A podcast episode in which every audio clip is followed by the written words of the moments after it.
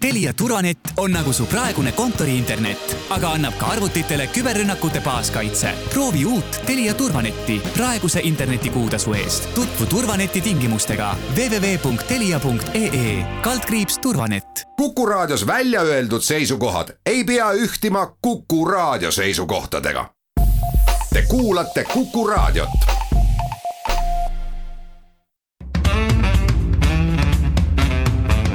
Muuli ja Riikoja. tere päevast, head kuulajad, kell on kuus ja pool minutit üksteist läbi, et on reedene päev, siis ka saate Muuli ja Riikoja aeg ehk stuudiosse on kohale tulnud Kalle Muuli ja Indrek Riikoja. tere päevast. alustame tänast saadet eh, koroonaga ja uute koroonapiirangutega, mis valitsus äh, kehtestas ja mis nädalavahetusel jõustuvad? teiseks on meil igasugusene kohustuslik teema katuserahad. sedapuhku siis äh, on elevust tekitanud ennekõike üks äh, koalitsiooni poolt äh, MTÜ-le Elu Marss antud summa või summad, mis. elu Marss, mitte Elu Marsil.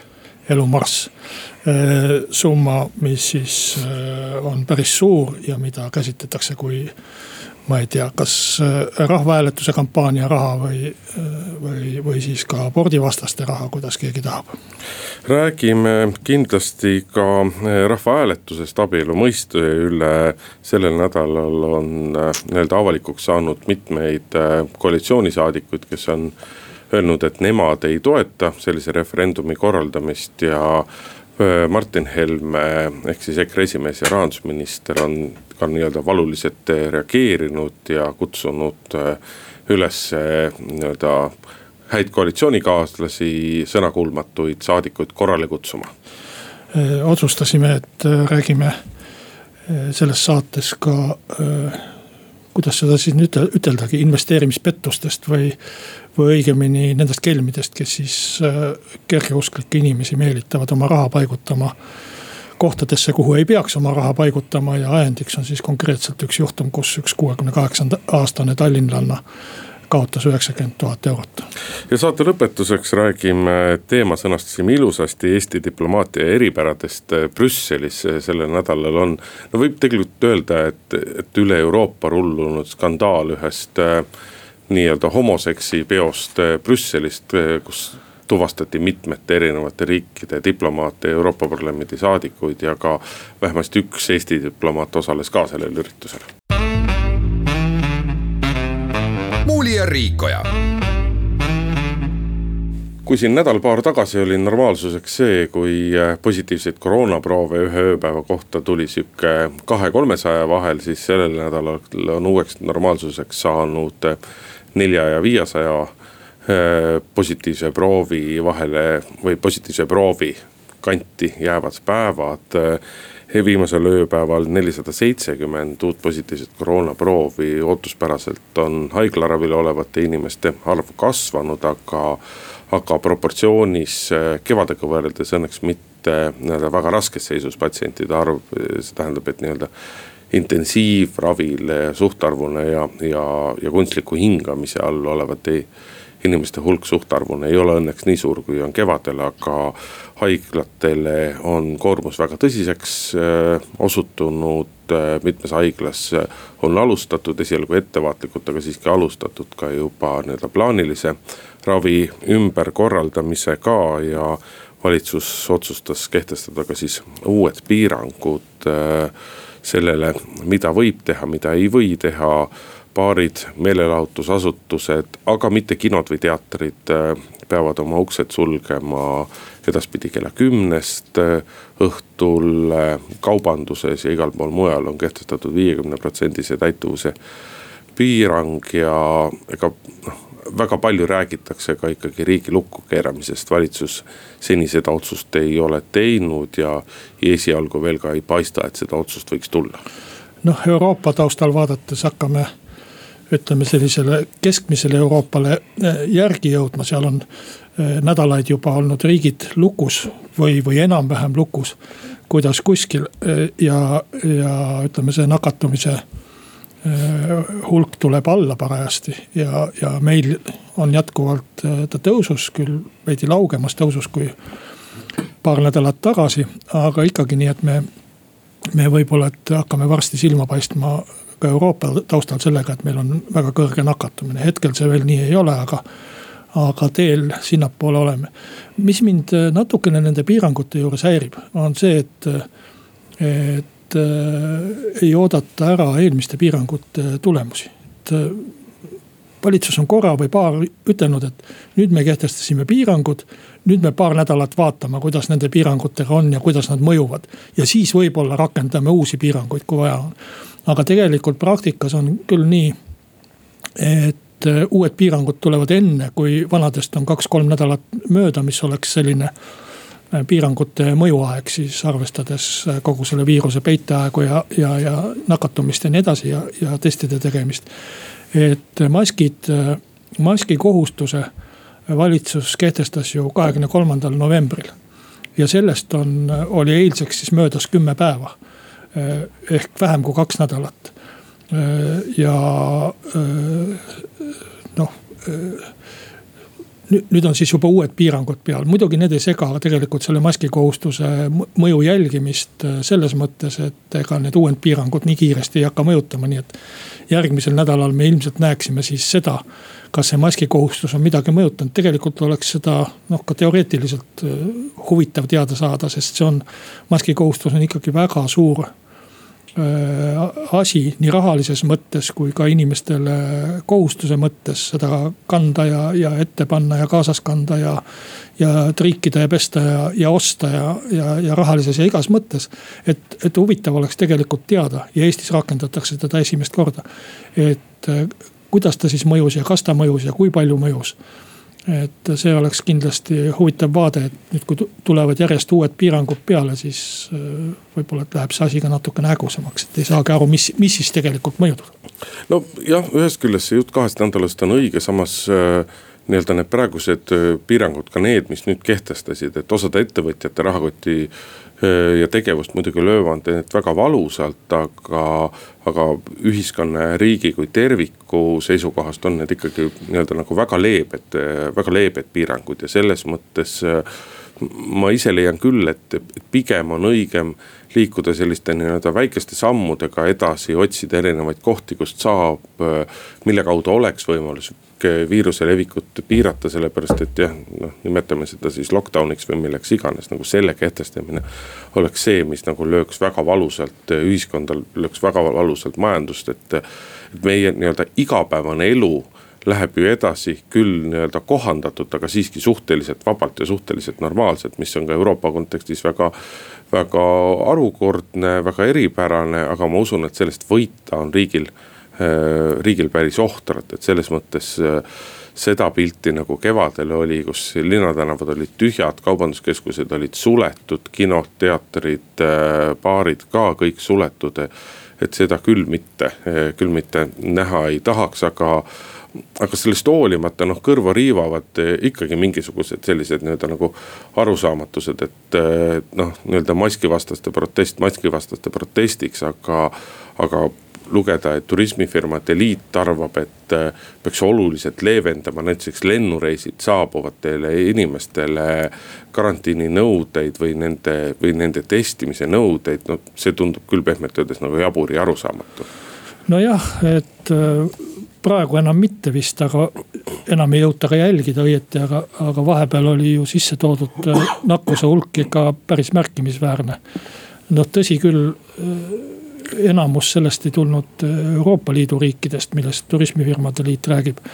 vaid tuli Ukrainast ja Venemaalt ja muudest sellistest kohtadest ja, ja sugugi mitte lennukiga, vaid pigem ikkagi, kas siis. maanteed mööda. maanteed mööda jah et, et ma ei, ma ei kujuta ette, kui praegu hakata uuesti, uuesti propageerima seda, et lennake meile ja, ja siin ei ole mingit isolatsiooni, siin ei ole mingit testimist. et ma arvan, et see annaks päris kõvasti hoogu juurde, seda enam, et terviseametil on praegu ikkagi ju üsna, üsna suured raskused üldse nende kontaktsete jälitamise ja muude selliste asjadega ja nendest piirangute piirangute just kinnipidamise jälgimisega, et meil on endagagi väga palju tegemist. no üks asi, raskused piirangutest kinnipidamise kontrollimisega, haigestunute ja, ja lähikondsete jälitamisega. teisest küljest ka nagu terviseamet enda sees ei ole olnud kõige paremad, et uus juht küll suvel valiti vastu sügist astus ametisse, aga see ei ole sugugi mitte nagu valutult selle organisatsiooni jaoks möödunud, seal sees on sisepinged, on erinevad pinged erinevate ametkondade vahel, et, et need ka veel nii-öelda pärsivad, pärsivad seda korraldamist. noh, need aga... kuulujutud, mis. ei no need ei ole kuulujutud. ühes ajakirjandusväljaandes ära trükiti, et noh, need on ikkagi suuresti üle võimendatud.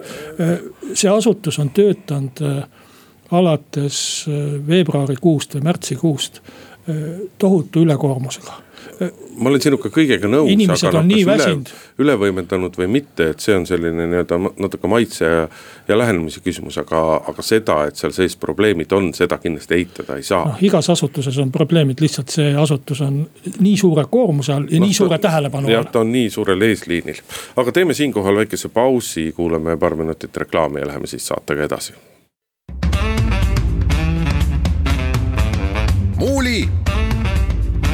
Riikoja. jätkame saadet Indrek Riikoja ja Kalle Muuli stuudios. räägime nüüd äh, katuserahadest. ausalt öeldes on natuke tüütu, Indrek, ütlen ma, sest ma olen pidanud sellest katuserahadest vist juba isegi sinuga rääkima umbes viis aastat, aga no, rääkimata. iga sügis oleme ikka te,, oleme rääkinud. aga äh, nüüd on siis äh, tekkinud suur arutelu äh, selle üle, et anti mittetulundusühingule Elu Marss äh, raha ja, ja väidetavalt on see mittetulundusühing siis abordivastane, no ma ei tea. Äh, mina ei ole sellest mittetulundusühingust enne peaaegu et mitte midagi kuulnud, äh, kaasa arvatud mitte abordivastasusest, aga. no aga ikka sa saadki sellest MTÜ-st olla kuulnud nii-öelda ühe korra, siis kui meil üks selline nii-öelda meeleavaldus toimus ja. ja kui sa vaatad, siis ka selle MTÜ äh, eluiga on nagu olnud, elukaar on olnud suhteliselt lühike ja lend ei ole selle aja jooksul olnud mitte kõrge. aga noh, oleme ausad, et ega EKRE eesmärk ei ole nüüd või noh kaudselt jah, muidugi on EKRE on kogu aeg löönud ka seda, ta löönud ka seda, seda rauda, et, et, et abortide vastu tuleb võidelda, kas nüüd, nüüd just nagu keelustada, see on sihuke omaette küsimus. aga kindlasti on nad võidelnud selle eest, et riiklikult ei tuleks aborte sellises mahus rahastada. et selle rahaeralduse mõte siiski on nii-öelda anda sisuliselt riigi eh, raha selle jaoks, et kui meil tuleb abielureferendum, siis nii-öelda mehe ja naise vahelise abielu jäämise poolt propagandat teha? see, selles ma muide kahtlen väga, sest nii palju, kui mina seda äh, katuseraha jaotamist tean. see läheb läbi ministeeriumite ja niikaua kui ta läheb, see võtab aega oma kolm-neli kuud nii et kui tahta teha kampaaniat selle raha eest, noh muidugi võib võlgu võtta ja siis pärast äh, tasuda. no just, hakkad juba lähemale asjatuumale jõudma. aga reaalselt äh, ma arvan, et katuserahad jõuavad nende äh, mittetulundusühinguteni, kellele neid jagatakse kuskil parimal juhul vast märtsikuus, aga üldiselt aprillis, äh, teises kvartalis. aga see selleks, ma arvan, et see, äh, see on nagu kõrvaline teema. aga, aga põhiline on minu meelest see küsimus ikkagi, et kas, kas üldse peab maksuraha jagama poolmaailmavaatelistele või maailmavaatelistele ettevõtmistele. hea küll, ma olen nõus sellega, et äh, abortide vähendamine on äh, vajalik asi ja, ja tore asi ja, ja tõesti, kui vähegi saaks kuidagi. ja, ja eks seda pooldavad kõik, et neid oleks vähem. et keegi ei taha ju, et neid üldiselt rohkem oleks, välja arvatud võib-olla, et keegi, kes selle pealt teenib. aga äh, see, aga kujutada ette, et ma võtan maksuraha inimestelt ära jõuga, seaduse ähvardusega, vangipaneku ähvardusega. ja siis annan selle kellelegi, kes propageerib võib-olla neid vaateid, mis sellel, sellele inimesele, kes äh, kellelt raha ära võeti, on täiesti vastukaal. no vaata, Kalle, sellega on see, et ma katkestan sinu arutelu, et see, see on sinu, sinu poolt täpselt sama hea ja täpselt sama põhjendatud küsimus, et kas katuserahasid üleüldse on vaja. ja ma usun, et me mõlemad oleme ühte meelt selles, et tegelikult ei ole vaja katuserahasid ja ei, ei ole vaja. ei ole, selles osas ma ei ole sinuga ühte meelt. ma arvan, et seda ma millegipärast kahtlustasin, et ma, sa seda ütlesid. ma selle..., ma arvan, et riigikogu liikmetel on õigus riigieelarvet teha nii, nagu nad tahavad. kui nad nad tahavad äh, jagada ise mingeid summasid, kui nad tahavad, et valitsus neid ettepanekuid teeb, mina ei näe mingit vahet. kas Jõgeva kirikule antakse raha äh, valitsuse poolt ette nähtud eelarve kaudu või antakse riigikogu liikmete poolt eraldi. et selles mõttes riigieelarve on riigieelarve ja mõlemat pidi antud rahad on seaduslikud. aga ma rääkisin otstarbest ja, ja minu meelest äh, see, kui meil jagatakse küll riigieelarve kaudu, aga mitte katuserahadena, rahasid mingitele feministeeriumitele, pealegi veel ebaseaduslikult on täpselt sama hull, kui jagada katuseraha kaudu äh, sedalaadi ettevõtmistele või vastandmärgilistele ettepanekutele. ei, selles osas on sul, on sul kahtlemata õige. see selle aasta, selleaastane katuseraha temaatika, ta on selles mõttes eripärane. et seal ei ole olnud nii-öelda nii jõuliselt, nii ulatuslikult ei ole sellist mingisugust maailmavaadet siiamaani toetatud, aga, aga seda on tehtud küll väiksemate summadega varasemal ajal ja pigem nii-öelda kui nii saab öelda, siis vastaspool, vastaspoolset või vastupidist maailmavaadet.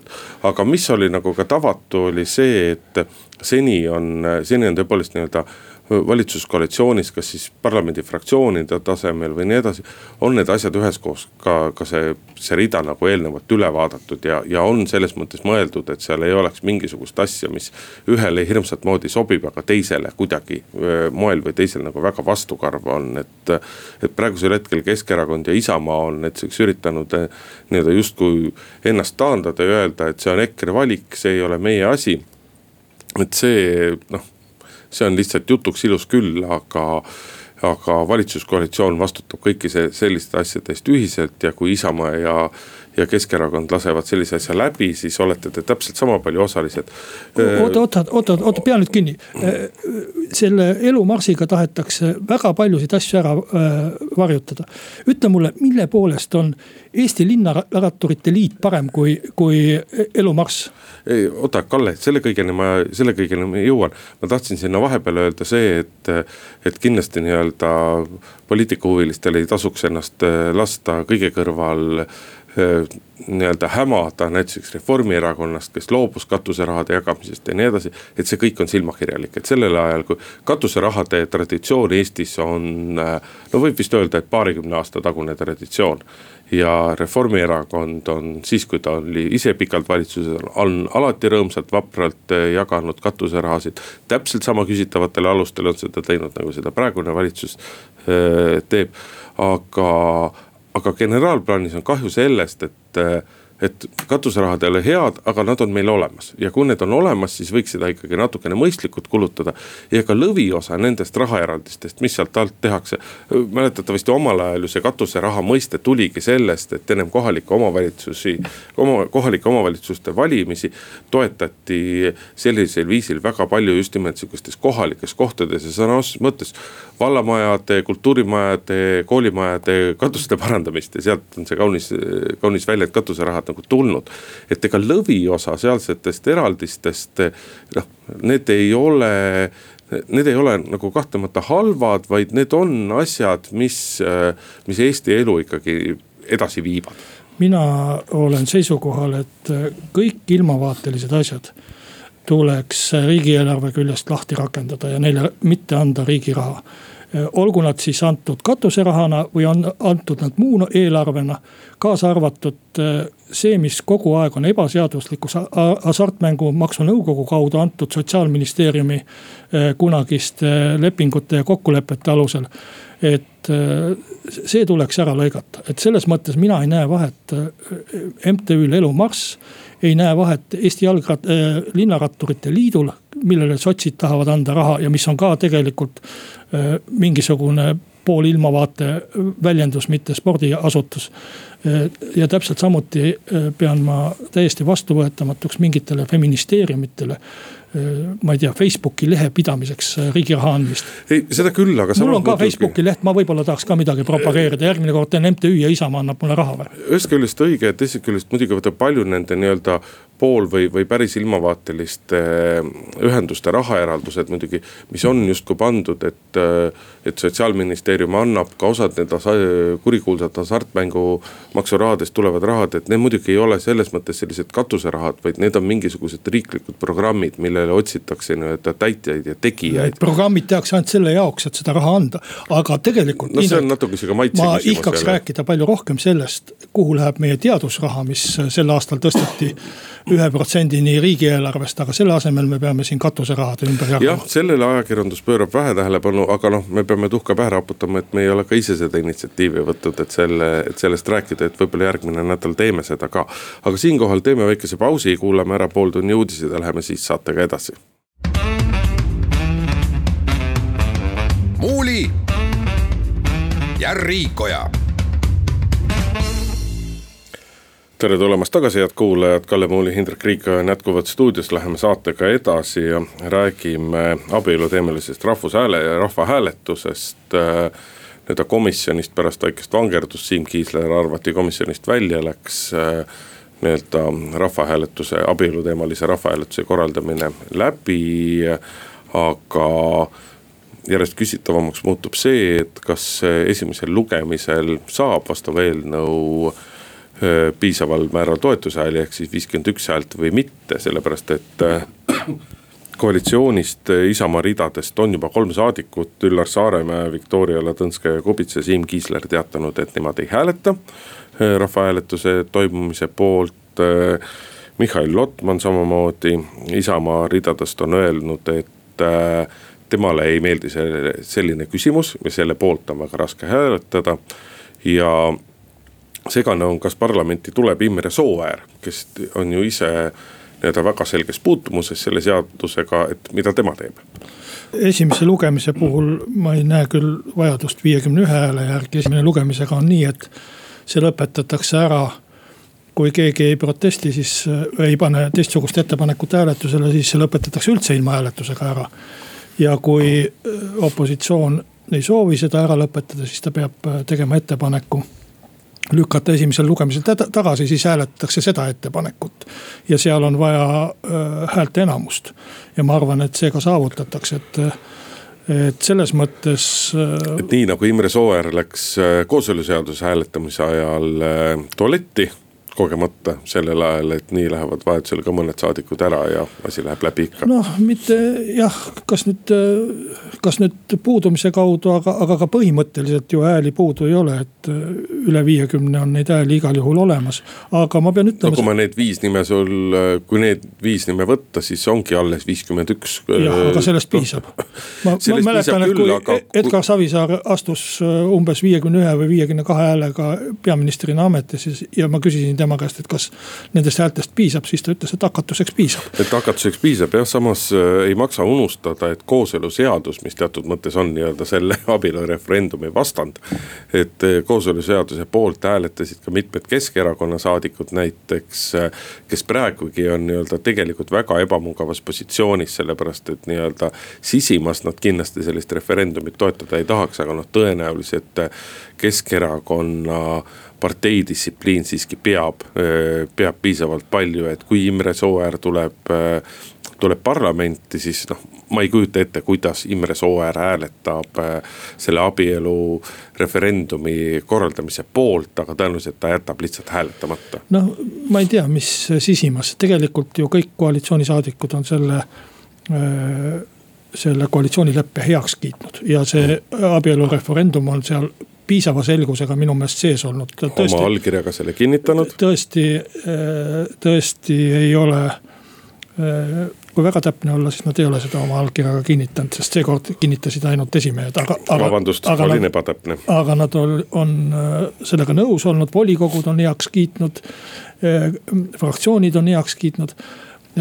ja, ja selles mõttes ma pean vist esimest korda siin saates ütlema, et, et Isamaale praegune olukord au ei tee et äh, meie koalitsioonipartnerid on, on äh, väga tugevasti toetanud meie ettepanekuid, mis on olnud äh, meie poolt pandud koalitsioonileppesse. ja nüüd siis, kui on vaja ühe teise partneri ettepanekut läbi viia, mis on kokku lepitud juba poolteist aastat tagasi et nüüd siis selgub, et meil hakkab ükshaaval hääli ära kukkuma, loomulikult saadikud on vabad, nad võivad hääletada nagu nad tahavad. Erinevalt äh, sellest, mida sina arvad, Indrek, sa arvad, et saadikud täidavad kellegi käsku. see on. see sõltub saadikutest ja sõltub erakonnast ja sõltub fraktsioonist, sa tead seda ju selles mõttes. hääletavad täpselt nii nagu tahavad, vähemalt Isamaa omad. aga, aga et siis oleks ju noh mõeldavalt või loogiline olnud, et oleks öeldud kohe selle koalitsioonileppe sõlmimise ajal, et äh, meile selline lepe ei sobi ja, ja siis oleks saanud äh, uuesti läbi rääkida või midagi muud kokku leppida partneritega, mis iganes. et, et selles mõttes praegune olukord ei ole ilus, samas kui ma vaatan jälle nimeliselt, siis äh, tegelikult igalühel on ka oma äh, väga tõsine põhjendus Siim Kiislerit näiteks ei olnud koalitsioonileppe sõlmimise ajal üldse riigikogus, ta tuli asendusliikmena pärast Mart Nuti surma. nii et tema ei saanud algul ütelda, et meile ei sobi, Viktoria Ladõnskaja-Kubits ütleski kohe algul, et talle ei sobi ja hääletas ka vastu. Üllar Saaremäe, ma kujutan ette, et ta oli esimesi päevi poliitikas, esime-, esimesi päevi äh, riigikogus. ja siis hakata oma esimese avaldusena ütlema, et ma olen koalitsioonileppele ainukesena vastu. et see tundus, tundub ka nagu palju tahta, et selles mõttes äh, noh on nagu on, aga ma arvan, et äh, hakatakse sammhaaval minema ja kuhugi välja jõutakse. see on väga huvitav vaadata, kuidas Isamaa selles, selles olukorras käitub, sest et äh, EKRE tipp-poliitikud eesotsas esimehe ja, ja rahandusminister Martin Helmega on juba, on juba seda öelnud, et äh, et Isamaa peaks jõuliselt korrale kutsuma oma saadikuid, peaks jõuliselt tagama fraktsioonis ikkagi korraliku parteidistsipliini oma igapäevases raadiosaates kasutati veel nii-öelda karmimaid väljaütlemisi ja nii edasi, noh õnneks, õnneks või kahjuks, aga pigem vast ikka õnneks, et Isamaa tõenäoliselt nii-öelda käsi väänama kellelegi ei hakka ja, ja ei, ei pane ma ei tea, näiteks Üllar Saaremäe ette valikut, et kas hääletad poolt või lähed riigikogust minema ja, ja, ja nii edasi.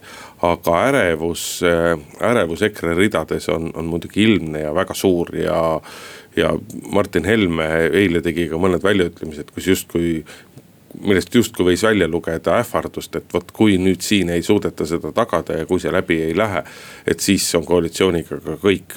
aga see on muidugi väga huvitav küsimus, et mis juhtub koalitsiooniga juhul, kui abielureferendumi korraldamine läbi ei lähe? ta ei ütelnud, et siis on koalitsiooniga kõik, ta äh, ütles kahte asja, esiteks ta ütles, et äh, nentis lihtsalt, et siis meil on vähemusvalitsus mis on definitsioon, mitte, mitte arvamus, vaid äh, see ongi nii, et kui koalitsioonil ei ole enamust, siis on vähemusvalitsus no.. aga, aga ja teine, mis ta ütles, et äh, siin ma punaseid jooni maha tõmbama ei hakka. Äh, ja see on temast minu meelest väga tark tegu, ta ei, ta ei värvi ennast nurka ta ei anna ette mingisuguseid lubadusi ega ka ähvardusi, nagu sa ütled. et ja samas. Äh, jah, aga vaata vähemusvalitsuse all ei, ei pidanud ta siiski silmas seda, et ühes era-, ühes koalitsioonis jätkavad needsamad kolm erakonda. aga lihtsalt neil ei ole mingites küsimustes, mingites küsimustes parlamendisaalis viitekümmet ühte häält, et ta ei pidanud seda silmas. no vaevalt ta, ta pidas silmas vähemusvalitsust, kus on Keskerakond ja Isamaa ainult, aga aga, ja, ja siiski ei ole veel kõigil kõiki hääli. aga ma, mis, mida Isamaa teeb, ega saadik on vaba, ta hääletab nagu tahab. ja, ja kindlasti noh, ei olegi ju tegelikult mingisugused sellised võtted, eh, mida sa siis teed eh, saadikutega. isegi kui oleks mingisugune jõud, aga kes see jõud on? Need on needsamad saadikud, kes istuvad seal ümber laua et äh, ma arvan, midagi muud ei tule teha, kui, kui äh, nendega räägitakse, küsitakse, mis nende probleem on. Äh, Mihhail Lotmanil on konkreetne probleem sõnastusega, ma sain aru tema juttudest. ja eks siis proovitakse, kas sõnastust ümber teha või mis iganes. aga peale esimest lugemist tuleb ju vaadata ka, mis üldse edasi saab, palju neid parandusettepanekuid tuleb ja, ja kellelt nad tuleb ja kas neid annab kuidagi grupeerida, midagi teha nendega. et need sammud tuleb kõik ära oodata, et me, me ei saa ette otsustada, et et nüüd me teeme nii või nüüd me teeme naa, et see sõltub ju olukorrast. küll aga peab Isamaa leppima sellega, et, et pärast nii-öelda nii mitme, antud küsimuses nii mitme lahkuja järgi Isamaa nii-öelda võimalused valitsuses omi asju edaspidi läbi suruda vähenevad arvestataval määral, et. et EKRE seda ei unusta ja sellega peab leppima, et, et see annab kuskil järgmises kohas mingis teises asjas. see on nii ja selle, sellepärast alati fraktsioonid püüavadki kokku hoida ja alati kokkuleppele ja, ja minu meelest on halb asi ka selles mõttes, et me oleme ise Isamaaga väga palju kannatanud äh, selliste koalitsioonipartnerite tõttu, kes ei pea oma sõna. kes kõigepealt püüavad oma lubadused ära täita ja siis äh, igaüks vaatab ise, kuidas saab. aga nüüd olete ise need juudased, aga teeme siin väikese pausi ja oleme siis eetris tagasi. muuli ja Riikoja jätkame saadet Indrek Riiko ja Kalle Muuli stuudios. no ei möödu vist nädalatki, kus ei loe sellist äh, suhteliseks rutiiniks muutunud uudist, et äh, ühelt või teiselt inimeselt äh, peteti jälle välja suurem summa raha juttudega, et investeerige sinna või tänna. konkreetsel juhul siis lõppeval nädalal oli sündmuseks üheksakümmend tuhat eurot välja petetud ühelt kuuekümne kaheksa aastaselt tallinlannalt ja noh, eks, eks silme ette kerkivad sellised äh, abitud, hädised, äh, vaevu maailma asjadest veel aru saavad vanainimesed, aga kui, kui sa vaatad neid summasid. ja, ja loed sealt detaile juurde, et kõik see toimus kuskil arvutiekraanidel ja, ja mingite arvutite ülevõtmise ja asjadega. et siis võib-olla see ettekujutus on petlik ja pigem mul tekib siis küsimus, et kuidas sellised inimesed üldse nii, nii palju raha on suutnud endale koguda, kui nad nii kergesti selle ära annavad. no eks inimestel ikka on raha, et kes teenib, kes müüb maha kuidas, suvila. kuidas see üldse pidama on ikkagi jäänud mm. pikaks ajaks, et?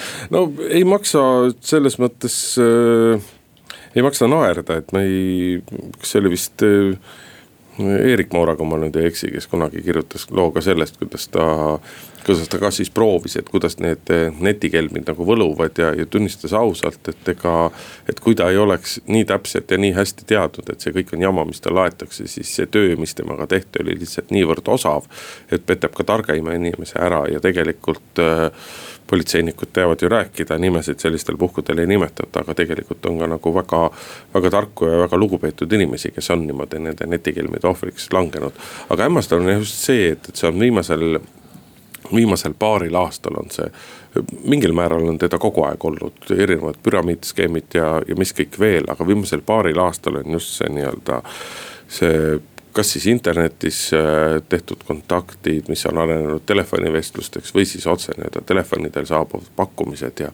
ja neid kümnete tuhandete eurode kaotamisi juhtumeid on siginenud nagu päris palju, et, et miks inimesed ei ole sellest õppinud, kuna vot see nüüd on küll valdkond, et kui tihtipeale Eestis juhtub, et eestikeelne meedia ja venekeelne meedia Eestis sees räägivad ja kirjutavad erinevatest asjadest, et siis see on valdkond, millest kirjutavad alati mõlemad.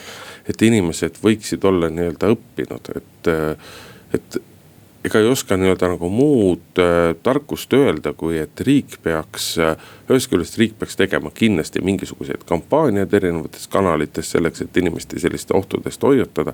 aga veelgi olulisem on see, et seni nimetatakse seda kaunikõlaliselt finantskirjaoskuseks, et seda tuleb igati arendada, tuleb arendada koolis äh, ja, ja kus iganes. noh, see nüüd ei ole minu meelest teab, mis selline äh, uus ja, ja vaimukas äh, suhtumine asjasse, et, et ettekujutus, et kui nüüd äh, me teeme mingeid reklaamikampaaniaid ja, ja, ja räägime kõva häälega, et ärge telefonikelmidele oma raha andke, siis sellega saab kindlasti mõjutada inimesi. kes, äh, kes sellisele mõjule alluvad, aga mulle, mul on oma teooria ja mul on oma ettekujutus kuidas, kuidas see toimib või töötab. et see ei ole päris nii, et inimene rumalusest teeb sellist asja. et seal on ikkagi teatud selline kalduvus või ootus tagasi, ma toon võib-olla halva paralleeli. aga sa võid ju minna maskivastasele rääkima, et maskid on väga kasulikud, sa võid tuua seal teaduslikke argumente, sa võid teha riikliku kampaania. aga ta ikkagi arvab, et see mask on äh, selline, et, et äh, täpselt samamoodi on ju nende kloorijoojatega. et võid rääkida, et meditsiin, teadus, arstid ja nii edasi. ja need inimesed ei ole üldse ju äh, harimatud, kes seda teevad ja, ja, ja nii käituvad, et on igasuguseid. et, et ma arvan, et ka investeerimises või nendes investeerimispettustes on siiski inimese kalduvus äh, minna sellega kaasa üheks eelduseks, et ma ei kujuta ette, et mina hakkaksin võõra inimesega telefoni teel rääkima oma rahapaigutustest helistab mulle suvaline Jüri või Mari ja et ma temaga üldse hakkaksin sellisel teemal vestlema. et no päris tõsiselt ma ei suuda ette kujutada, et mis, mis nõu ühel võõral inimesel üldse on mulle anda ja et ma peaksin oma rahast kellegi võõra inimesega rääkima no,. et, et, see... et kui inimene juba hakkab seda tegema, siis tal on juba mingisugune usk olemas, mida on, on võib-olla võimatu mingite riiklike propagandakampaaniatega pöörata no see on üks asi, teine asi on see, et ega need kelmid on ju see, kuidas nad seda teevad, kuidas nad inimesi läbi helistavad, kuidas nad neid mõjutavad ega see on nii-öelda noh teatud mõttes klassikaline nagu võrkturundus, on see siis tupperware müük või mingisuguste pesuvahendite või. Või nahahooldusvahenditega, noh ilm on täis erinevaid selliseid programme, kes ongi nii-öelda kogu oma sellise müügitegevuse väga selgelt läbi mõelnud, läbi kalkuleerinud, seal on arvestatud sellega, et piltlikult öeldes, et kümnest kõnest üks kõne statistiliselt alati näkkab, sealt sa alati saad. et see on väga süsteemne tegevus, aga see, kui sa ütled, et sa ei kujuta ette, et sa võõra inimesega hakkaksid rääkima kuule, see ei olnud väga ammu. Eestis küll seda aega ei ole nii väga olnud, aga Ameerika Ühendriikides, kui, kui näiteks suur osa börsitegevusest käiski ju läbi selle, et lihtsalt maaklerid helistasid ja müüsid pähe, et et äh, müüsid väärtpabereid maha, määrisid neid pähe, et selles mõttes. see kõik on iseenesest nii-öelda vana asi, see on, need on läbi töötatud süsteemid, läbi proovitud süsteemid.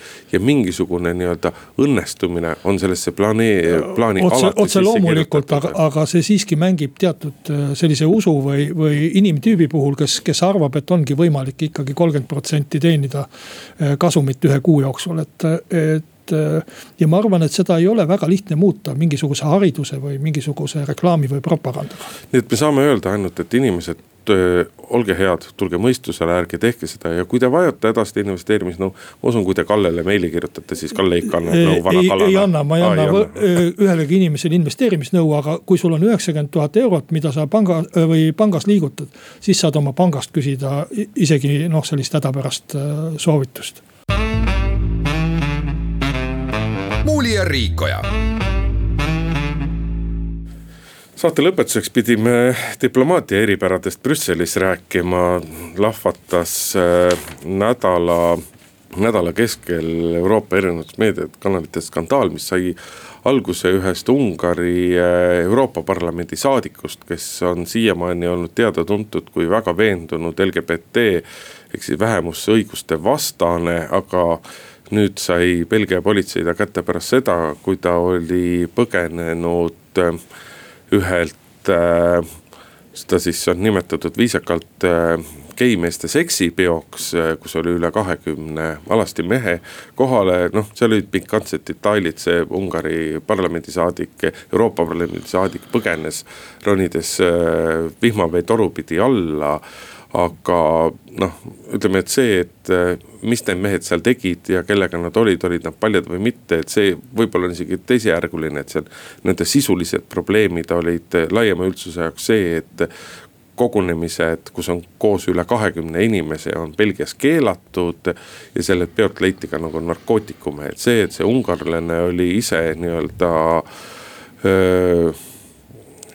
ise siis nii-öelda tegi seda, mille vastu ta seni on nagu väga vihaselt võidelnud, noh, see on omaette pikantne detail. ja välja on tulnud ka, et üks Eesti diplomaat öö, osales, oli ka seal kohal, jäi vahele tema nime ei ole ajakirjandus siiamaani avaldatud, avaldanud, kuigi minu teada enamus toimetustele on, on, on see isik tegelikult. see ongi teada. minu meelest naeruväärne Eesti ajakirjandusest, et mingist ungarlasest, kellest Eestis üldiselt ei teatud mitte midagi, kirjutatakse nime nägupidi piltidega ja. ja, ja isegi mingite tervisedetailidega, kas tal olid käed verised või ei olnud vihmaveetoru ronimist pidi aga, aga Eesti diplomaat, see on selline mingisugune salapärane tegelane. tegelikult, kui hakata järgi mõtlema, seal oli narkootikumide tarvitamine või vähemalt olid need narkootikumid seal olemas. aga noh, vaevalt et nad vaatamiseks olid, et kui. ei tundu eluliselt usutav, et nad lihtsalt lauanurgal lebasid. kui, kui lihtsalt on siis äh, see Eesti diplomaat, kes Eesti mainet seal nii kõrgel hoidis. Äh, on, on ju šantažeeritav, mõni pilt telefoniga teha. Äh, noh, ma ei hakka ütlema, et seda peaks just Vene luure tegema, aga need inimesed kes Eesti riiki esindavad. noh, ma, ma ei kujuta ette, et neid oleks nii hõlbus šantaseerida ja nii hõlbus kompromiteerida ja, ja, ja, ja, ja, ja hiljem manipuleerida või mis iganes sõnu ma veel siin võiksin kasutada. et ma arvan küll, et siin oleks vaja mingit väga põhjalikku selgitust, et. Ja... hoidku jumal, et see diplomaat oleks parasjagu seotud või oleks kunagi olnud seotud näiteks mingisuguste luuretegevustega ja nii edasi, et seal neid miine no,. kui, kui ta nagu... ei ole seotud, siis ta pannakse si neid, see, seda tegema. Neid miine on seal ja karisid on seal nii palju ja noh, ei ole ju saladuseks, et eh, nii nagu Eurovisiooni lauluvõistlus on eh, LGBT kogukonna, ütleme siis viisakalt seas nii-öelda nagu väga väga hinnatud üritus, kuhu omasugustega on hea kokku saada. et samamoodi on nagu Brüssel diplomaatilises ringkonnas tuntud selle poolest, et sinna koguneb väga palju vabameelseid, vabameelseid inimesi kokku ja, ja noh, eks pidude ja koosolemiste käigus tehakse igasuguseid tükke, mida nii-öelda, mis alati kindlasti nii-öelda päevavalgusega kätte sattuda ei tahaks, et selles mõttes. minu meelest on see väga suur julgeolekuoht ja, ja me ei tohiks sellele vaadata niiviisi, et ihahaa, ahahaa. kuskil mingi ungarlane ronis mööda vihmaveetoru, et tegelikult äh, peaks me rääkima Eesti riigi julgeolekust, kui meid sellised inimesed esindavad. aga noh, vot ega see ungarlase näide muidugi, ta on selles mõttes ka hea näide, et noh, ka meil on ju nii-öelda väga vihaseid. hulk väga vihaseid LGBT õiguste vastaseid võitlejaid, aga nii nagu kukkus välja Ungaris, et nii on see ju tegelikult täpselt samamoodi ka Eestis et, et, et väga palju või nende vihaste võitlejate seas leidub üksjagu inimesi, kes tegelikult nii-öelda avalikult vihaselt võitlevad selle vastu. millega nad ise vabal ajal tegelevad, et mitte, et ma tahaks ette heita selle, neile seda, millega nad tegelevad, aga nii-öelda avalikku ristisõda selle vastu, et noh see ei ole ilus, see on, see on silmakirjalik no,, see on lihtsalt nagu inetu. Äh, narkootikumide tarvitamine on ka Belgias kuritegu, mitte ainult Eestis. see on järgmine ja Belgias, äh, Belgias karistatav ei ole mitte ainult narkootikumide tarbimine, vaid ka nii-öelda koroonapiirangutest mitte kinnipidamine ja selle eest äh, vähemasti rahvusvahelise pressi andmetel on, on kõiki sellel peol osalenuid ka nii-öelda karistatud ja, ja trahvitud, et selles mõttes neid, neid apse, neid ebakõlasid on nii palju ja ja, minu arust peaks see, see on natuke ka Eesti diplomaatia nagu mundriau küsimus praegusel hetkel tulla sellest puhtalt välja, mitte hakata seda patustajat nii-öelda peitma ja varjama no,, vaid ausalt tunnistama. tavaliselt ikka räägitakse, et meie diplomaadid kaitsevad Eesti riigi au seal eh, selle kurja valitsuse eest, kes seda Eesti riigi mainet nii hirmsasti rikub. aga siinkohal on meie saateaeg otsas, Kalle Muuli, Hindrek Riikoja stuudios, nädala pärast kohtume jälle. muuli ja Riikoja